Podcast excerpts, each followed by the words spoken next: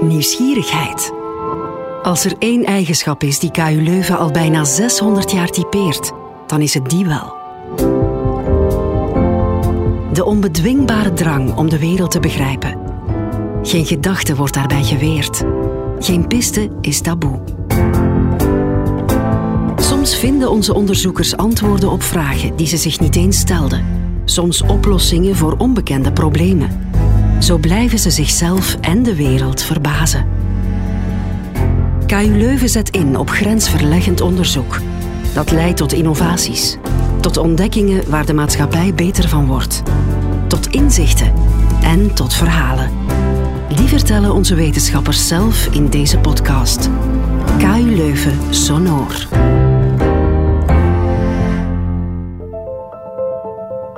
Wetenschap is vaak gebaseerd op cijfers, op statistieken, op theorieën.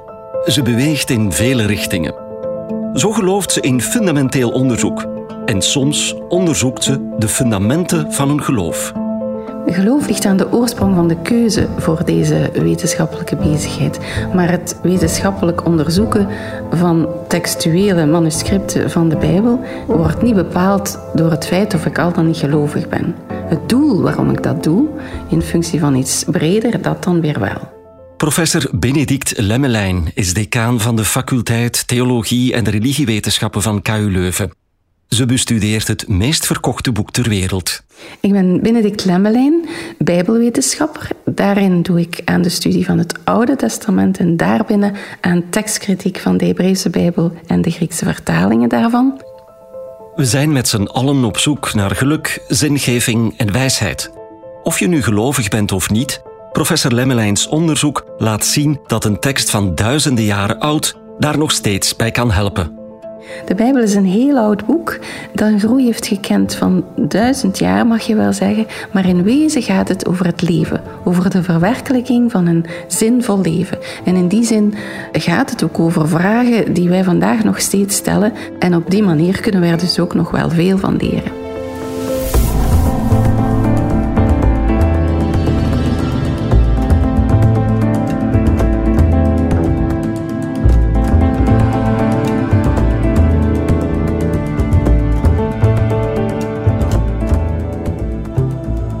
Welgevalligheid aan God ligt in trouw en zachtmoedigheid. Dit is een vers uit het boek Wijsheid van Jezus Sirach en eigenlijk een van mijn favoriete versen uit een van mijn favoriete boeken. Uh, het boek Wijsheid van Sirach is een niet zo bekend boek, maar dat boek is een van de wijsheidsboeken in het Oude Testament. En die wijsheidsboeken en Sirach in het bijzonder gaan expliciet over het verwerkelijken van een zinvol leven.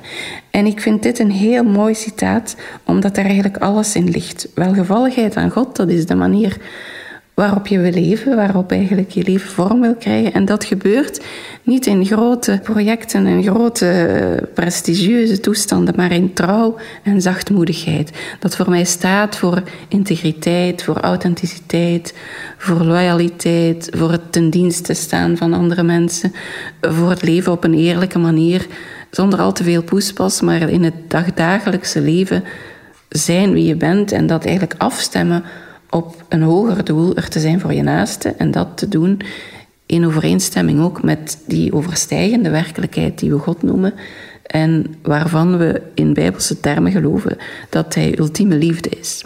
daarom vind ik dat heel mooi. Trouw en zachtmoedigheid, dat zegt heel veel voor mij.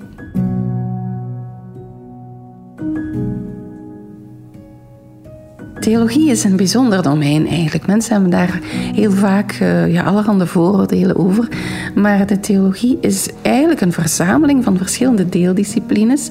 De bijbelwetenschap, maar daarnaast ook kerkgeschiedenis, ethiek, pastoraaltheologie, systematische theologie, ook theologie van de wereldreligies. En in die zin krijg je daarin eigenlijk een heel groot, breed spectrum van benaderingswijzen die eigenlijk elk aansluiten bij andere humane wetenschappen en die dat geheel van het zoeken naar het begrijpen van onze relatie tot een transcendente werkelijkheid eh, proberen te verklaren, te begrijpen, te duiden.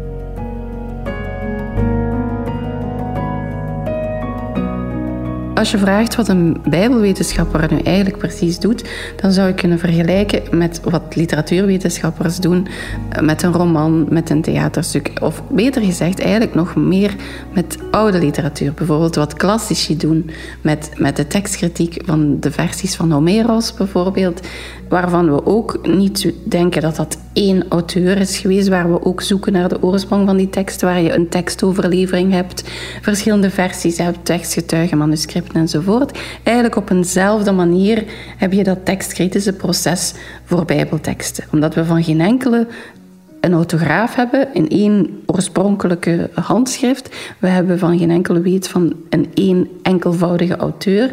Dus eigenlijk iets gelijkaardigs zou je kunnen zeggen. Dus we zoeken in tekstkritiek naar een soort genealogie van de teksten, zou je kunnen zeggen, hoe ze zich tot elkaar verhouden, op een absoluut analoge manier te vergelijken met wat men doet met bijvoorbeeld Homeros en zijn literaire erfgoed, om het zo maar te zeggen. Mensen spreken altijd over de Bijbel of het Oude Testament. Dat is eigenlijk een term die in zichzelf al zegt dat het gaat om een meervoud van boeken die over een tijdsperiode van een kleine duizend jaar ontstaan zijn, die dus een historische, sociologische, sociale, noem maar op, context weerspiegelen die heel verschillend is en die je dus ook kan weerspiegeld zien in die verschillende boeken. Dat wil zeggen, heel belangrijk, dat de Bijbel niet uit de lucht is komen vallen. Dat je eigenlijk niet zomaar dogmatisch kan stellen, de Bijbel zegt. Ten eerste heb je die hele textuele groei, die literaire ontwikkeling. Ten tweede heb je die textuele transmissie. En wat zie je?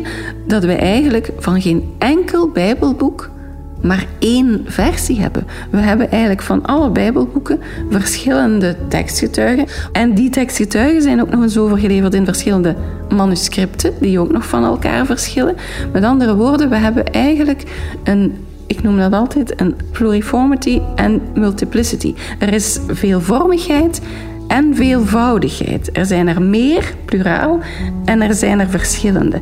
En dat besef eigenlijk is zeer fundamenteel zelfs bij een heel technische discipline als de tekstkritiek waarmee ik mee bezig ben, omdat dus het ultieme resultaat daarvan het factuele, het feitelijke argument is tegen elk fundamentalisme. Je kan gewoon niet zeggen, je moet zus of zo doen, want de Bijbel zegt. Feitelijk gesproken is er gewoon geen de Bijbel. En dus de relevantie daarvan, zelfs maatschappelijk, hè, vandaag de dag in alle opkomst van fundamentalisme, is zeer groot. Als ik een beetje historisch mag teruggaan, tot 1947, dat is eigenlijk het begin van de ontdekkingen van de rollen van Comorano, zoals men ze noemt, de rollen van de Dode Zee. Tot dan dacht men eigenlijk dat we eigenlijk drie grote tekstgetuigen hadden. Dat was één, de Masoretische tekst, en dat is een middeleeuwse, vroeg-middeleeuwse tekst, die we eigenlijk in zijn oudste volledige versie hadden uit de Codex Leningrad, of Codex Petropolitanus noemen we hem nu terug, 1009. Dat was één tekstgetuige. De andere was de Samaritaanse Pentateuch. Dat is ook een Hebreeuwse tekstgetuige, maar die, zoals het woord het zelf zegt, alleen maar de Pentateuch heeft. De Pentateuch zijn de eerste vijf boeken van de wet, zoals we ze noemen, of de Torah, zoals ze joods genoemd worden. Wat dus ver van de hele Bijbel is. En daarnaast had je eigenlijk alleen de Griekse Septuaginta, die eerste Griekse vertaling van dat Hebreeuwse Oude Testament. En die was veel ouder. Dat was derde eeuw voor Christus. Maar dat betekende dat wij eigenlijk altijd, als we de oudste versies of de oudste tekstgetuigen wilden raadplegen, we eigenlijk bezig waren op een vertaling. Dat was eigenlijk het landschap. Drie soorten tekstgetuigen. Maar in 1947, of tot de vroege jaren 50, zijn al die rollen rond de Dode Zee ontdekt. En daarin hadden we opeens Hebreeuwse teksten van diezelfde periode als de Septuaginta, van de tweede eeuw voor tot de tweede eeuw na, ongeveer, eerste eeuw na eigenlijk, in het Hebreeuws. Dus plots hadden we wel oudere Hebreeuwse tekstgetuigen. Dat tekstmateriaal heeft ons geleerd dat er inderdaad manuscripten zijn, tekstgetuigen zijn, die pasten binnen het zij die Masoretische familie, die Samaritaanse familie of de Septuaginta-familie. Ik noem het allemaal heel simplistisch nu. Maar dat er ook een heleboel fragmenten en rollen waren die men dan non-aligned texts is gaan noemen, omdat ze niet overeenkwamen met die drie. Maar die non-aligned texts hebben ons geleerd dat we werkelijk niet zomaar met drie tekstfamilies zitten waarbinnen we alles mooi in drie hokjes kunnen plaatsen, maar dat we werkelijk met een zeer grote veelvoudigheid en veelvormigheid van teksten zitten. Wat opnieuw een belangrijke consequentie heeft, met name dat we daaruit leren dat die Bijbelse teksten nooit bijna letterlijk in steen gehouden zijn geweest. Integendeel, het zijn levende teksten geweest voor levende gemeenschappen van mensen die in verschillende tijden, in verschillende contexten, die Bijbelteksten waarvan ze leefden, geactualiseerd hebben, aangepast hebben, opnieuw geïnterpreteerd hebben in een nieuwe fase. Wat natuurlijk met zich meebrengt, opnieuw, dat eenduidige, niet ambiguë interpretatie van een tekst eigenlijk niet kan. En dat de betekenis meervoudig is en vooral dat de betekenis ook in nieuwe tijden, zelfs nadat wij nu spreken van een kanon die op een gegeven moment vastgelegd is, dat het interpretatieproces wel verder gaat.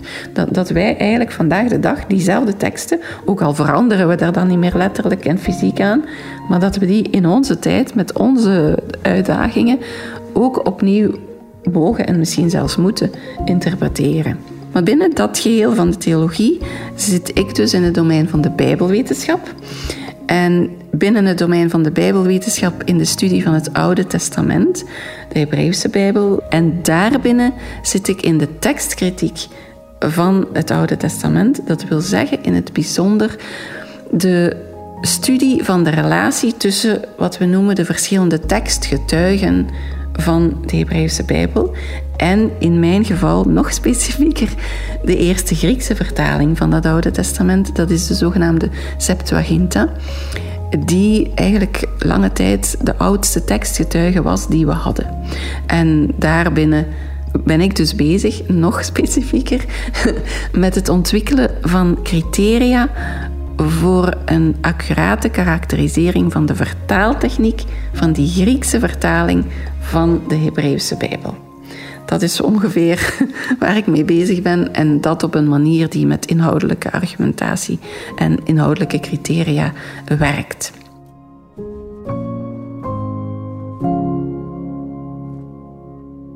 Ik heb inderdaad gekozen voor het Oude Testament. Dat is eigenlijk het grootste deel van de boeken, moet ik ook wel zeggen, in de Bijbel dat bovendien de basis is waarop het Nieuwe Testament verder werkt. In het Duits heeft men daar een heel mooi woord voor, Fortschreibung. Het Nieuwe Testament is niet iets apart. Er zou geen Nieuw Testament zijn zonder Oud Testament. Er zou eigenlijk zelfs geen verder christelijk nadenken zijn. Wat ik daarin heel erg waardeer, is dat dat Oude Testament heel sterk met beide voeten in de werkelijkheid staat. Dat is een collectie van boeken die zeer down to earth is. Het gaat over de mooiste hoogten in de mens leven. Eh, ik denk aan de liefde. Heel mooie teksten over de vriendschap ook. Dus met andere woorden, het gaat over de hoogte van een mensenleven, maar ook over de laagten. In de eerste hoofdstukken van Genesis krijgen we al broedermoord. We krijgen teksten over jaloezie, over intriges, over afgunst, over bedrog en leugens, over overspel, over verkrachting, over moord, noem maar op. Er is eigenlijk nergens een, hoe zou ik het zeggen, een procedé van we gaan alles mooi en zoetjes zaligmakend voorstellen. Nee, het is werkelijk het mens zijn in al zijn uitdagingen, in al zijn pracht en in al zijn uitdagingen. En dat vind ik wel heel mooi, dat het ook probeert juist om in dat leven met al die uitdagingen, om in dat hier en nu, want het Oude Testament heeft eigenlijk nog geen ontwikkeld of sterk ontwikkeld besef van een hiernamaals. Het gaat eigenlijk altijd over het leven in het hier en nu. Dus om in die dagelijkse werkelijkheid met zijn ups en downs daarin proberen dat leven zinvol vorm te geven. Dus niet een boek dat zweverig gaat over als je nu maar je best doet, komt je later wel in de hemel met zilveren lepeltjes. Maar nee, het gaat over hier en nu. Wat doe je met je leven? Wat doe je in je houding naar de naaste? Hoe bouw je een, een menswaardige samenleving op? Wat met solidariteit? Daar draait het heel erg sterk om. Dus niet over een hemel in het latere, maar over een stukje hemel in het nu.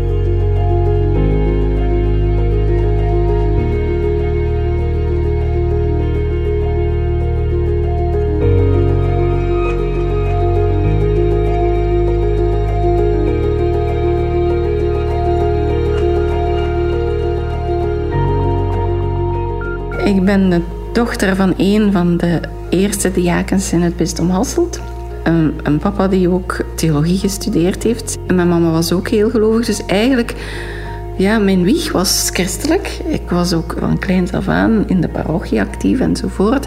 Maar eigenlijk is het iets waarmee ik opgegroeid ben. Zelfs die meer institutionele kant heb ik eigenlijk altijd over horen vertellen. Het bisdom, de pastorale raad, de diaconale raad, van die dingen. Dat was eigenlijk mijn bedding. Maar dat heeft zich natuurlijk over de tijd heen heel anders ontwikkeld. Als je klein kind bent, ja, dan lees je dat als verhaal en daarna begin je daar meer over te denken. En waarbij natuurlijk dan de studie van bijbelwetenschappen ook opnieuw een kentering heeft teweeggebracht. Door het feit dat ik in die bedding opgegroeid ben, ben ik gelovig opgegroeid. In mijn vroege jaren, als ik het zo mag noemen, dan was dat een vanzelfsprekendheid. Dat was thuis zo, ik zat in de parochie en ik leefde eigenlijk achteraf en retrospectief bekeken, eigenlijk in een soort toestand van niet kritisch weten. Ik dacht alles te weten en alles was evident, het was er gewoon zo. Ik stelde me daar zelfs geen vragen bij, om het zo te zeggen. En eigenlijk door theologie te studeren, en dan dus in mijn geval bijbelwetenschap eh, te specialiseren, is er natuurlijk wel veel meer kritisch denken bijgekomen. En als ik dan terugkijk, dan is eigenlijk door de jaren heen er een evolutie geweest, niet van de ene dag op de andere natuurlijk, maar van dat niet-kritische weten naar kritisch niet weten. Kritisch niet weten, de toestand waarin ik me nu zou omschrijven, is juist een, een situatie waarin ik weet dat ik eigenlijk niks weet. En dat doorheen het bijbelwetenschappelijk omgaan met teksten, bijvoorbeeld, geleid heeft tot het besef dat eigenlijk geen enkele tekst in de hele Bijbel werkelijk een definitie kan geven van wie God is. Ik zeg altijd ook tegen studenten, je kan God niet in een luciferdoosje steken. En eigenlijk onze tekst, ons menselijk denken is een luciferdoosje om een onvergelijkbare werkelijkheid te proberen te vergelijken. Dat gaat dofies niet. Je kan niet iets onvergelijkelijks begrijpen op een vergelijkende manier. Om het zo maar te zeggen. En dus ja, de vraag hoe dat geloof en wetenschap voor mij dan samengaan, is een vraag die ik heel vaak krijg. Zo op het einde van lezingen te landen dat mensen dan vragen, ja, maar als je de Bijbel zo kritisch bekijkt in zijn evolutie, in, in zijn ontstaansontwikkeling, in zijn overlevering, wat blijft er dan nog over? Gelooft je eigenlijk nog? Vragen de mensen dan. En dan heb ik daar een tijd voor gemaakt en een heel bescheiden boekje geschreven, Mijn geloof als bijbelwetenschapper, met een vraagteken, een broos en eerlijk antwoord, met een getuigenis van dat proces, van hoe heeft nu het 2030 ondertussen jaar bezig zijn met theologie en bijbelwetenschappen mijn persoonlijk geloof verandert. Het besef dat een realiteit die transcendent is, die ons overstijgt, dat je die niet kan in menselijke, rationele categorieën steken. En dus dat uiteindelijk het een bewuste keuze is die je zegt van... En toch geloof ik in een werkelijkheid die er is, die je kan ervaren. Dan kom je in de mystiek in het niet denken met onze werkelijkheidscategorieën zoals we die rationeel hebben, maar op een contemplatieve, beschouwendere manier, met een proces van, ja, van twijfel soms. Maar juist daardoor, door te relativeren wat relativeerbaar is, kom je uit voor wat voor mij dan het absolute is. En dat is eigenlijk in één zin samengevat het geloof in een werkelijkheid die ultieme liefde is en die ons daarin draagt als een fundamentele bedding en stuwt als een, als een ultieme horizon eigenlijk.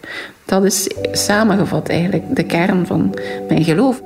Dus in die zin, de vraag van hoe verhoudt zich jouw wetenschappelijk bezig zijn met je gelovig zijn, niet in de textuele varianten die ik bestudeer, daar heeft daar geen invloed op. Wel in de motivering waarom ik ooit theologie ben begonnen en in de motivering waarom ik theologie blijf doen. En in de motivering vooral waarom ik ook boeken voor een breder publiek schrijf, waarom ik columns schrijf, eh, waarom ik eigenlijk dat bredere, wat we zo mooi wetenschapspopularisering noemen, heel belangrijk vind. Dat geeft voor mij echt een extra, zo niet de ultieme zin aan wat ik eigenlijk zelfs technisch wetenschappelijk bezig ben.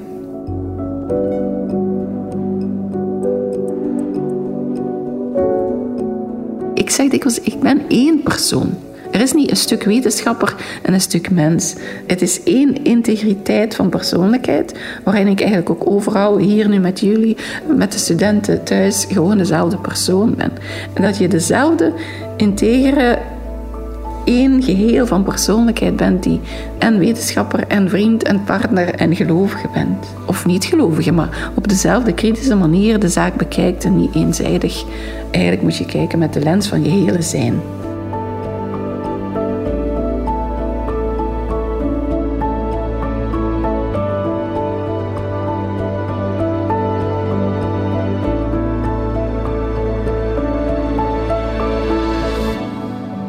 Als we het hebben over zingeving vandaag en die brede zoektocht naar zingeving die je heel makkelijk kan vaststellen in, in yoga en meditatie, in mindfulness, in alle soorten initiatieven, dan zie je dat dat inderdaad ook aansluit bij het huidige studentenpubliek. Ik zal zeker de laatste zijn om te beweren dat iedereen echt uh, bewust met zingeving bezig is. Maar ik merk toch een groot verschil. Ik geef eigenlijk sinds 2003, als ik me niet vergis, het vak religie, zingeving en levensbeschouwing. Dan zie je dat daar een veranderde initiële houding naar voren komt. Dus waar ik vroeger eigenlijk het gevoel had bij zo'n eerste les, als je voor zo'n grote groep binnenkomt, hè, dat ik het gevoel had dat er zo'n zekere sepsis was van, allee, ja, ik doe toch geen theologie, wat moet ik nu godsdienst krijgen, waar ze dat dan koppelen aan hun vak uit het middelbaar of zelfs aan hun vormselcategezen of zoiets. Toch met een zekere sepsis merk ik dat eigenlijk nu, de laatste jaren, veel minder. Er is eigenlijk een grotere openheid, ook in de gesprekken van studenten die dan na de les komen, of in spontane mails die ik krijg, of in de anonieme commentaren bij de online evaluaties bijvoorbeeld. Wel, dan merk ik een heel veel sterkere zoektocht naar zingeving. Jonge mensen vandaag zijn blijkbaar op een veelvoudige en veelvormige manier toch wel aan het zoeken naar wat ons leven uiteindelijk zin geeft. Waar het allemaal naartoe moet, waar het toe dient. En dat vanuit ook een veel grotere openheid, die een zekere nieuwsgierigheid vertolkt, die niet meer zozeer in vooroordelen eh, vastzit, maar eerder in onwetendheid eigenlijk ten aanzien van die traditionele kaders. En dat niet alleen ten aanzien van het christendom, hè, ook jodendom, islam, eh, oosterse godsdiensten in het bijzonder. Wel, dat is een veranderde houding en daardoor is ook de perceptie van dat vak veranderd. Dus het is eigenlijk een heel boeiende zoektocht waarvan ik de indruk heb dat jonge mensen vandaag er veel meer in een positieve openheid of minstens neutrale openheid naar kijken.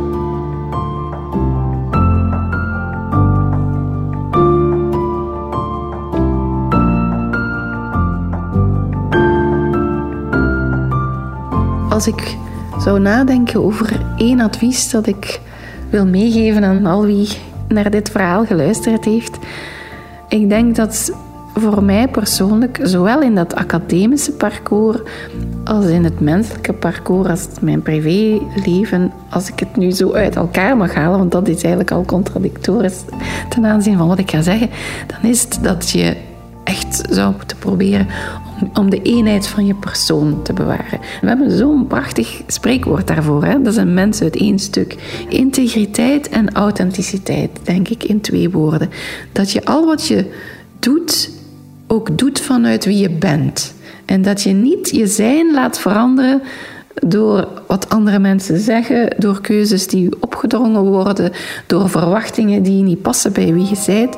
Met andere woorden, gewoon jezelf te zijn eigenlijk en jezelf te blijven in al zijn aspecten, met veel respect en waardering voor iedereen met wie je omgaat.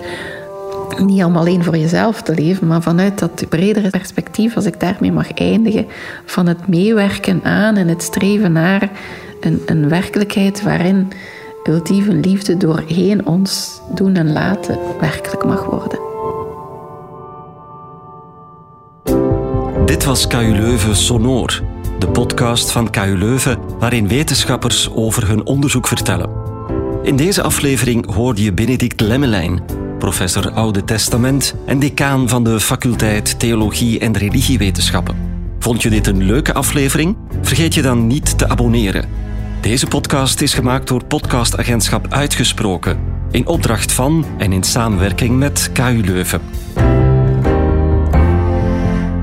Meer verhalen over lopend onderzoek lees je in het magazine Sonar en het online stories platform De Kracht van Verwondering.